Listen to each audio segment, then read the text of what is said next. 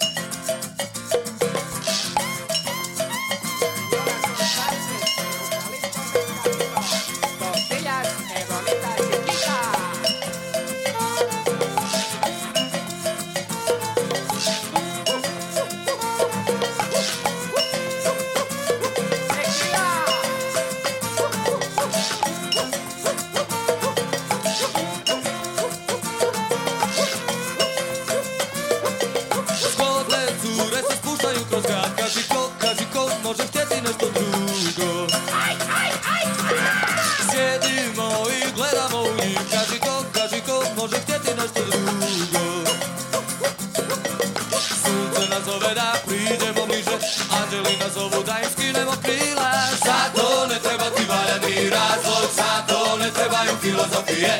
One hoće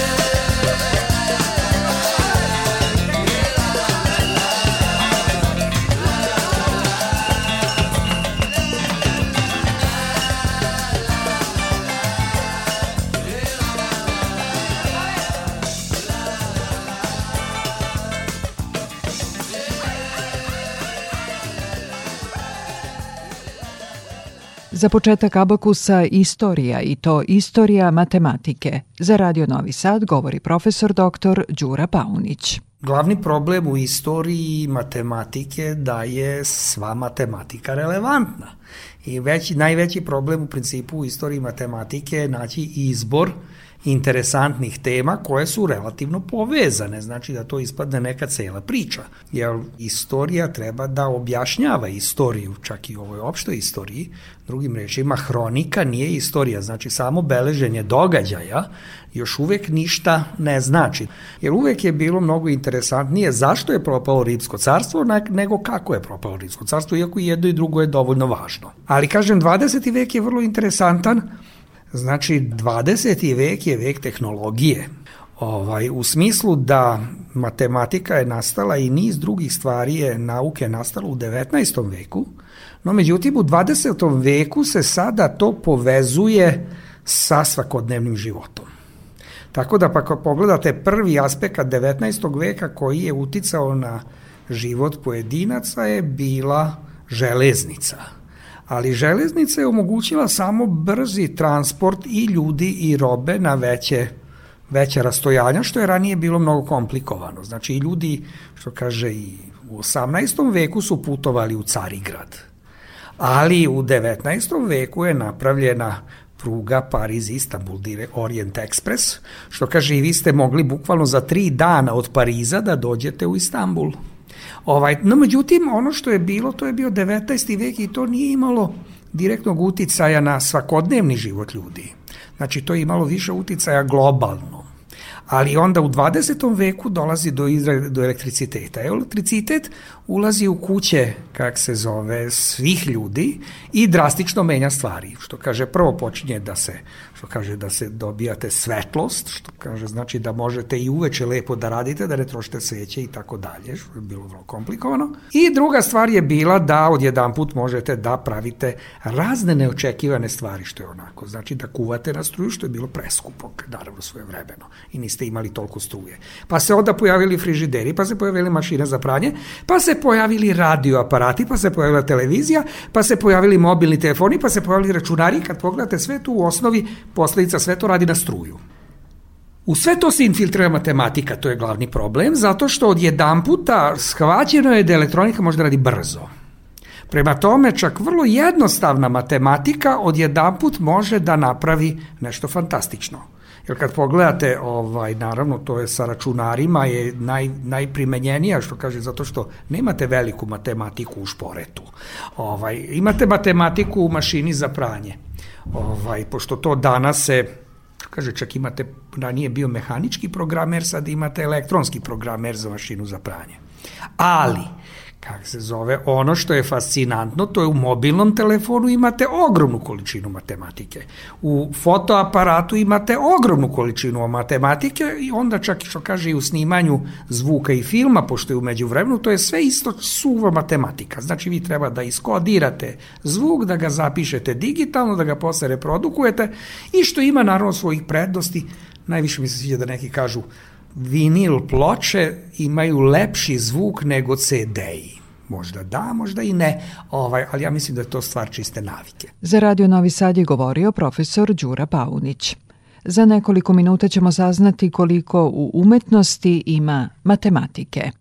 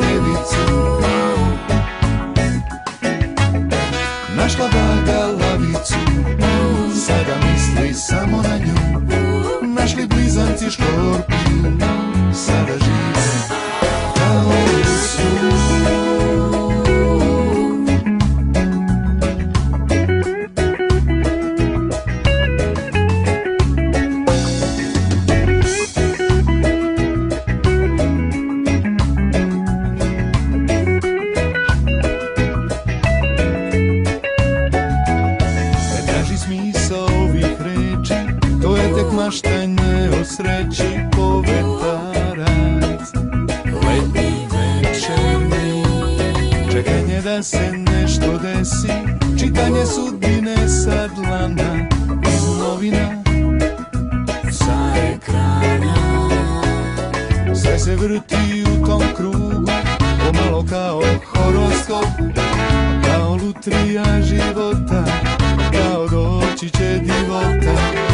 neka bi sad najde strelca Rak i jarac nek se slože Da se kaže Počelo je. Našla riba vodoliju Pokrenula čaroliju Našao bandevicu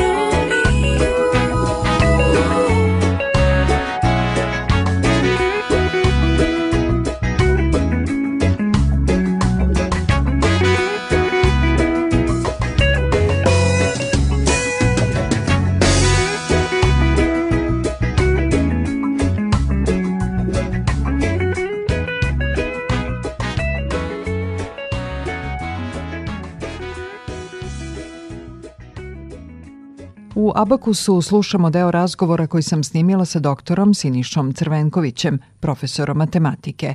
Tema Matematika i umetnost ili preciznije Matematika u umetnosti. Kada je u pitanju muzika, znači ta veza datira još od Pitagorejske škole.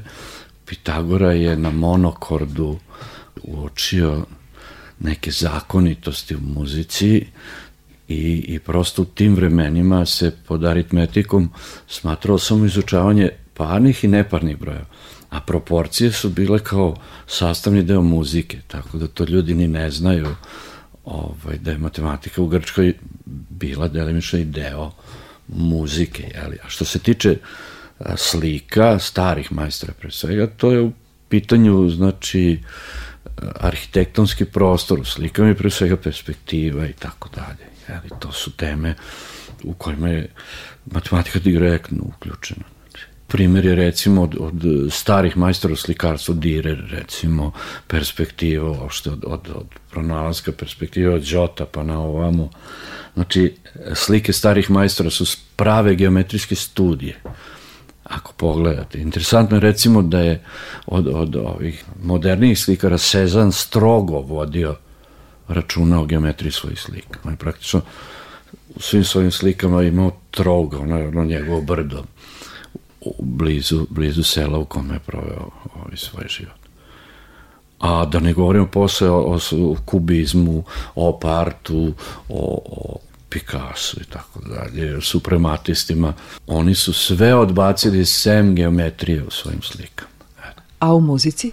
Da, da, kad pogledate današnje muzičke instrumente, to su elektronske jeli, naprave koje su bazirane na strojnim kolima. Strojna kola su, su realizacija nečega što u matematici zovemo bulove algebre. Znači, svako to strujno kolo ima svoju matematičku interpretaciju obratno. Jer to je jedna stvar. Druga stvar, računari. Pretpostavimo da, da tokom čitave istorije čovečanstva da je napravljeno milijardu muzičkih dela. I sada ovaj, treba napraviti delo muzičko komponovati, jeli, koje nije plagijat. Definicija, naučna definicija plagijata je otprilike svaki rad je plagijat ako se poklapa sa nekim radom više od 15%. Znači, ako vi zadate kompjuteru te zabrane, da kažem, da ne sme da se poklopi sa, sa jer kad gledate note, to je konačan niz simbola i to je jedna kombinatorika. Dakle, sastaviti neko originalno muzičko delo za kompjuter znači otprilike nekoliko sekundi. E, sada dolaze ostali estetski kriterijumi, ovo, ono, zašto interpretacija ljudska utiče na, na jer kompjuter može idealno da vam odsvira, pogotovo ovi sve, sve moćniji i moćniji kompjuteri, će da ovaj, skinu jednostavno sve pijaniste sveta od, od, od kada se beleži jeli, muzika i, i onda se postavlja pitanje da li će sada kompjuteri komponovati muziku. I to tako mic po mic vodi do toga pitanja da li će računari i kompjuteri ili prevazići čoveka u budućnosti. Računari su prevazišli čoveka recimo u šahu, pa su onda prevazišli čoveka u brzini računanja, ali to nije matematika. Matematika nije e, računar je računaljka. Po sadašnjim teorijama računar nikad neće moći da prevaziće čovjek. Po definiciji šta je mašina, naj, naj ono, jednostavnije. Međutim, ako gledate muziku kao konačan, konačan skup nota i tako dalje pravila, komponovanje pravila harmonije, to je sve konačno. Vi imate danas kompjutersku muziku kao legitimnu nekakvu vrstu muzike. Interesantno da se to ljudima baš mnogo ne sviđa. Jer pitanje da li se ljudima sviđa baš ta nesavršenost izvođenja kompozicije, nečega, što, što čini, što čini ovo, i svaki, svaki izvođač unosi sebe u tu, tu interpretaciju. Inače bi sve, sve kompozicije zvučale isto ono kompjuterski. Za Radio Novi Sad je govorio profesor Siniša Crvenković i u nastavku za nekoliko minuta matematika i to matematika od računaljke do računara.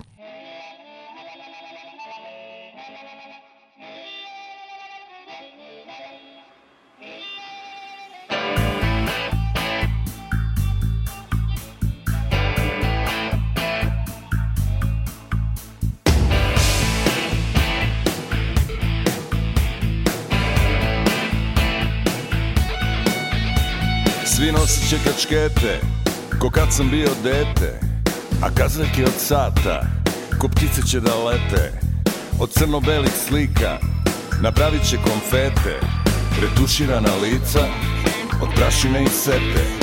I kažu bit će kriza, ko 30 i neke Izgoreće sve šume, presušit će sve reke A u meni su te godine još dovoljno daleke Da ne vidimo svetla i ne čujemo djeke Vreme iza nas. Vreme ispred nas. Vreme iza nas. Vreme ispred nas.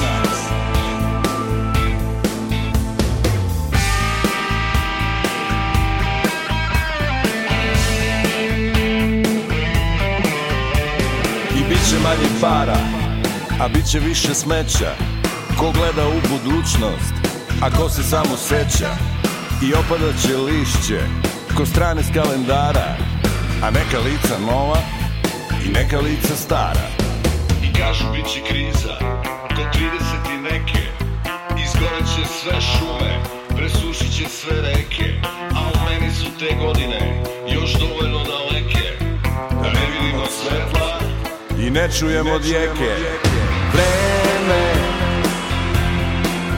iza nas. Vreme ispred nas.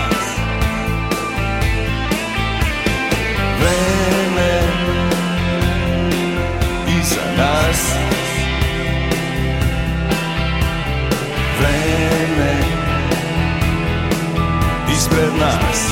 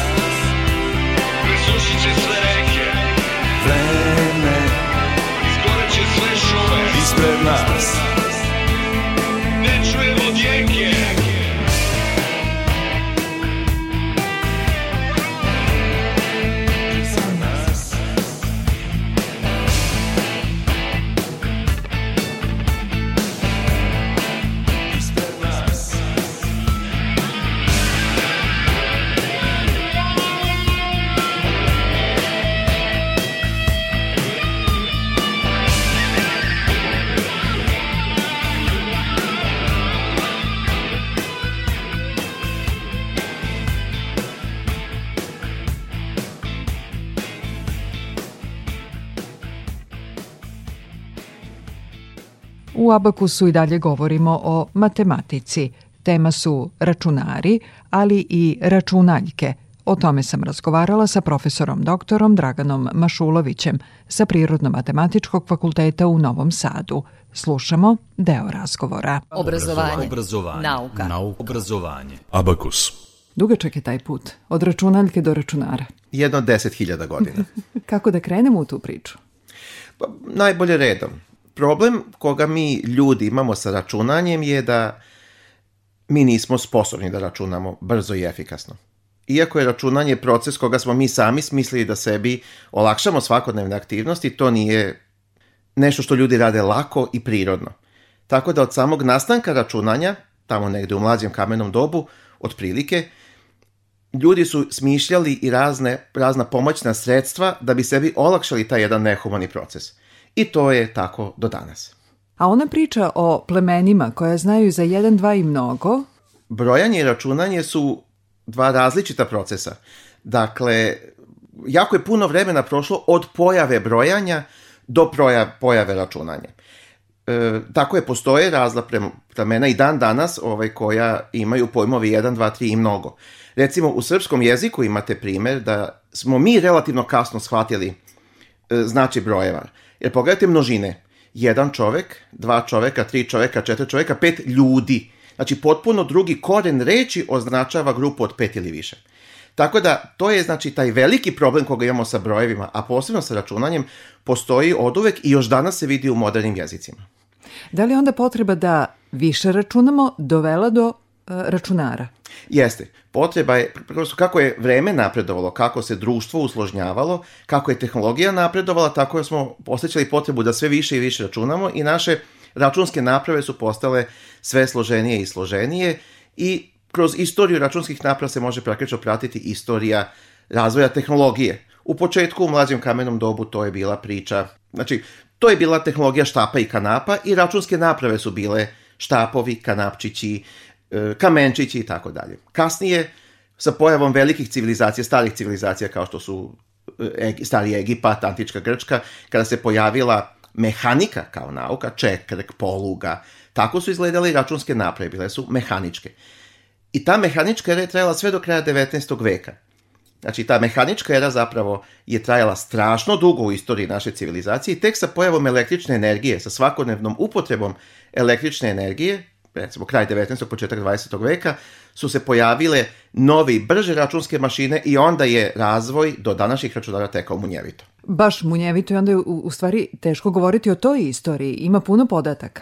Da, ako bi se krenulo vrlo pedantno beležiti tačno kako je sve išlo, to je bio ogroman i obiman posao. Međutim, uglavnom mi se vezujemo za nekakve tehnološke prekretnice, dakle elektromehanički uređaj i elektromehanički računari, o, kojim dana, o kojima danas praktično više ništa i ne znamo. Onda pojava e, elektronskih cevi, elektronskih računara i prvi elektronski računar recimo je e, na proradio 12. jula 1946. godine na univerzitetu u Čikagu. To smatramo početkom elektronskih računara.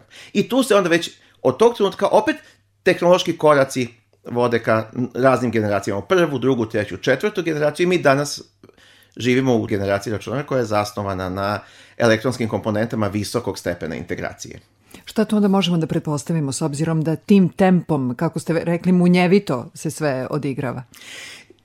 munjevito se sve odigravalo do, do, do nedavno. Sada smo ušli u jednu fazu stagnacije. Mi zapravo došli smo do tehnoloških granica materijala od kojih pravimo elektronske komponente i povećavanja u brzini su skoro nemoguća. Otprilike se zna tehnološki ovaj, maksimum silicijuma na kome se zasnivaju e, moderne računske mašine. E, radi se na tome da se nađu nove računarske strategije. I jedna od njih je kvantno računarstvo o kojima se o kome se priča recimo od 80. godina prošlog veka, a danas već imate kompanije koje ulažu ogromnu količinu novca u razvoj potpuno novog koncepta računske mašine. Generacije koje najviše koriste računare, to su mlađe generacije, e, među njima ima dosta onih kojima je matematika e, bauk, a nisu ni svesni da je u stvari osnovi, u osnovi svega matematika. Da, matematika je u osnovi računskog procesa i izgradnje računskih mašina, ali ja mislim da je problem u tome što matematika kao bauk proizilazi iz načina na koji mi deci predajemo matematiku. Ako bi se matematika na potpuno drugi način prikazala kao jedna svakodnevna aktivnost i kroz različite načine primene tog znanja u svakodnevnom životu, verujem da bi se to stanje promenilo. A matematiku imamo svugde. Gde god se okrenemo, oko nas je matematika.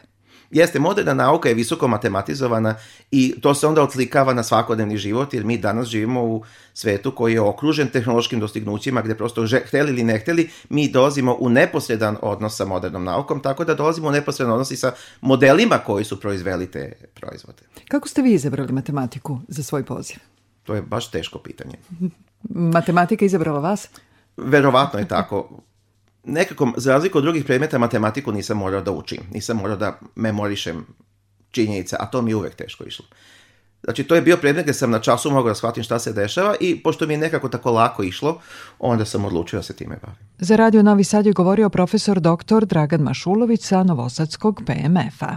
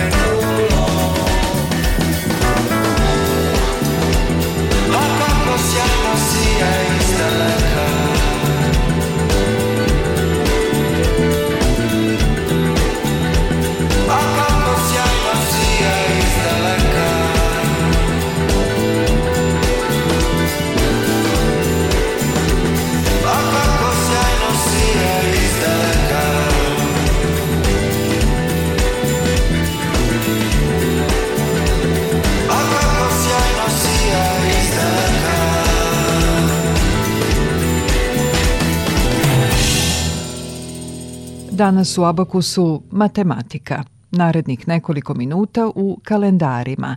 O tome sam razgovarala sa doktorom Draganom Miloševićem, profesorom na PMF-u u Novom Sadu.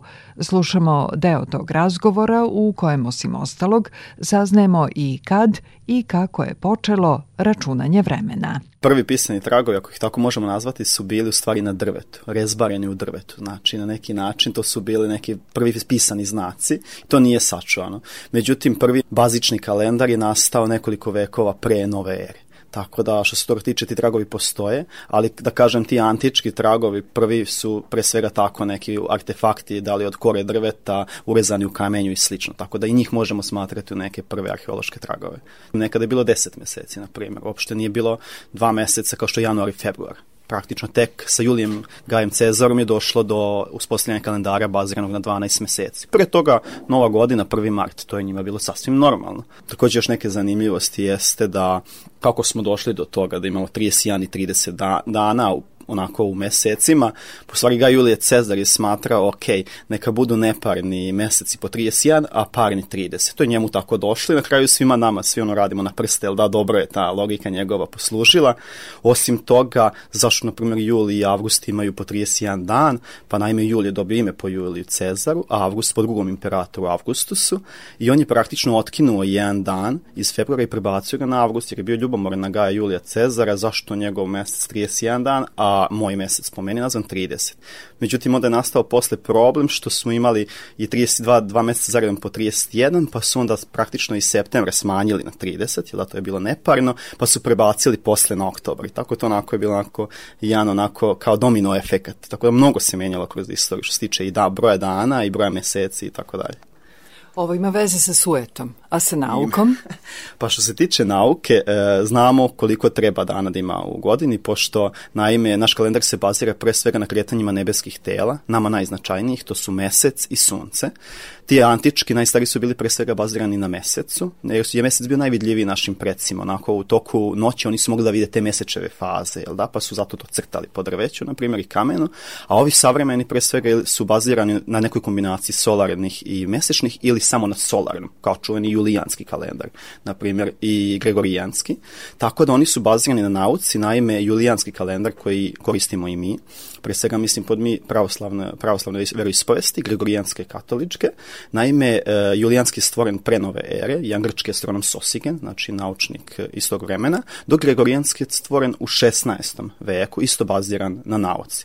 Tako da uzeli su pre svega kretanje nebeskih tela, koliko je potrebno tim telima da naprave jednu putanju, da, da dođe iz te početne tačke ponovo u nju posle nekog perioda i to su podelili na broj meseci, pa onda na broj dana i tako dalje.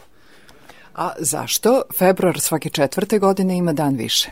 Pa to je zbog toga što praktično računanje naš, naše računanje vremena ne može u potpunosti da obuhvati sve te astronomske faktore i onda samim tim mi moramo da dodajemo praktično po četvrtinu dana, znači mi kasnimo za, za, za prirodom i u proseku godine traje 365,25 dana i onda je 0,25 puta 4, znači mi moramo jedan dan dodati da bi stigli prirodu na neki način, to je zbog toga. Koliko poznatih kalendara postoji u svetu? Poznatih, evo, ajde da ja onako zaokružim, da kažem hiljadu.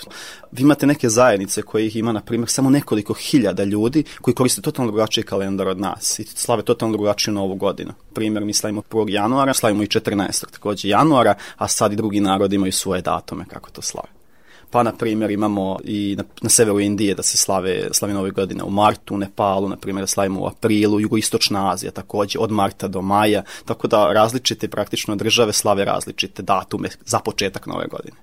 A koliko ima matematike u kalendaru? Bez matematike nigde, tako da i u kalendaru praktično to je čista matematika i onako ta čuvena nebeska mehanika, na primjer. Bez toga zaista ne bi mogli da normalno funkcionišemo i totalno bi bilo naše vreme dezorganizovano. Ovako pokušali smo to, taj neprocenjivi resurs kao što je vreme da organizujemo putem matematike. Za Radio Novi Sad je govorio dr. Dragan Milošević sa Departmana za geografiju, turizam i hotelijerstvo Novosadskog prirodno-matematičkog fakulteta.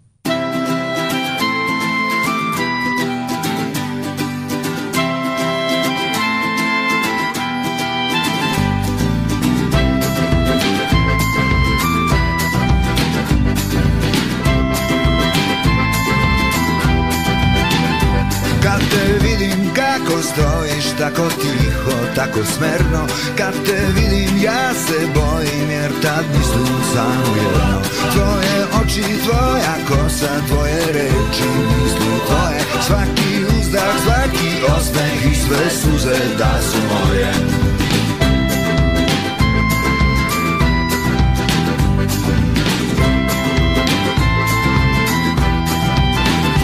Kad te vidim kako stojiš tako tužna, tako vedra Kad te vidim ja već mislim kako ljubim tvoje njedra. Prvo jednu, onda drugu, već se misli moje gore. Hoću da te sanjam golu i da vodim te na more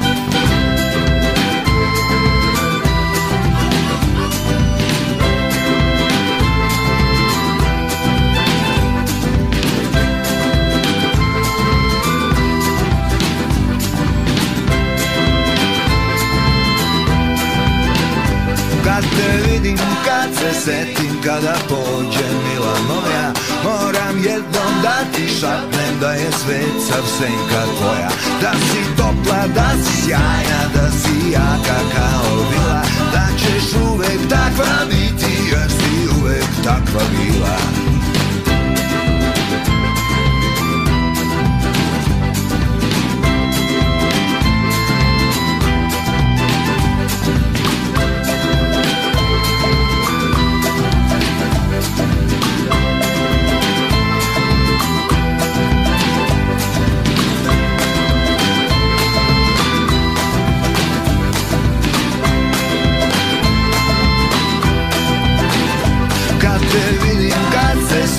već se misli moje gore Hoću da te sanjam golu i da vodim te na more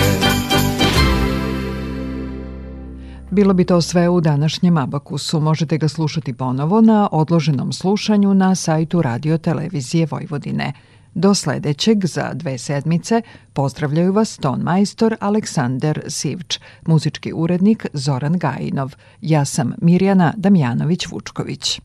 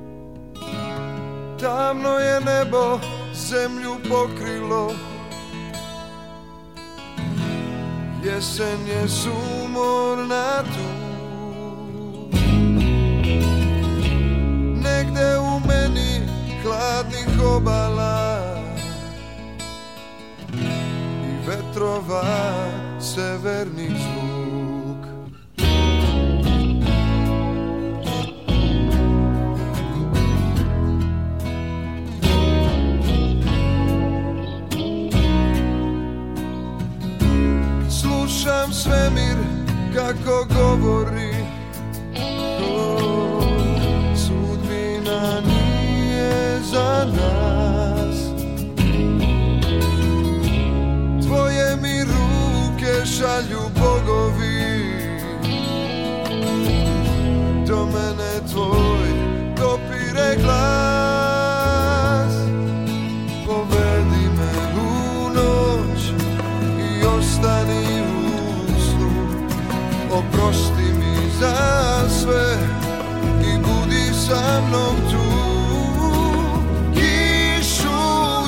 s oblaka prolio bih svu Zaboravi na sve i budi sa mnom tu.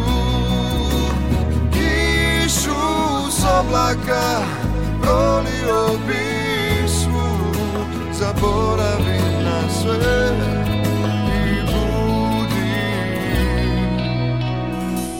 sa mnom tu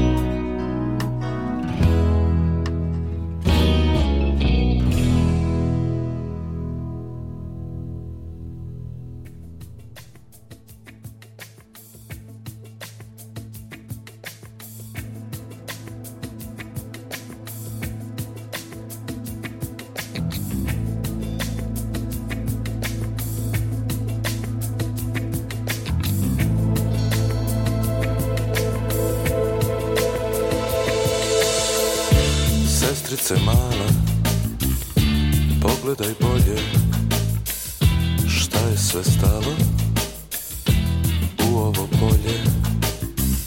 Stala je trava, vrbe se sagle Stao je potok,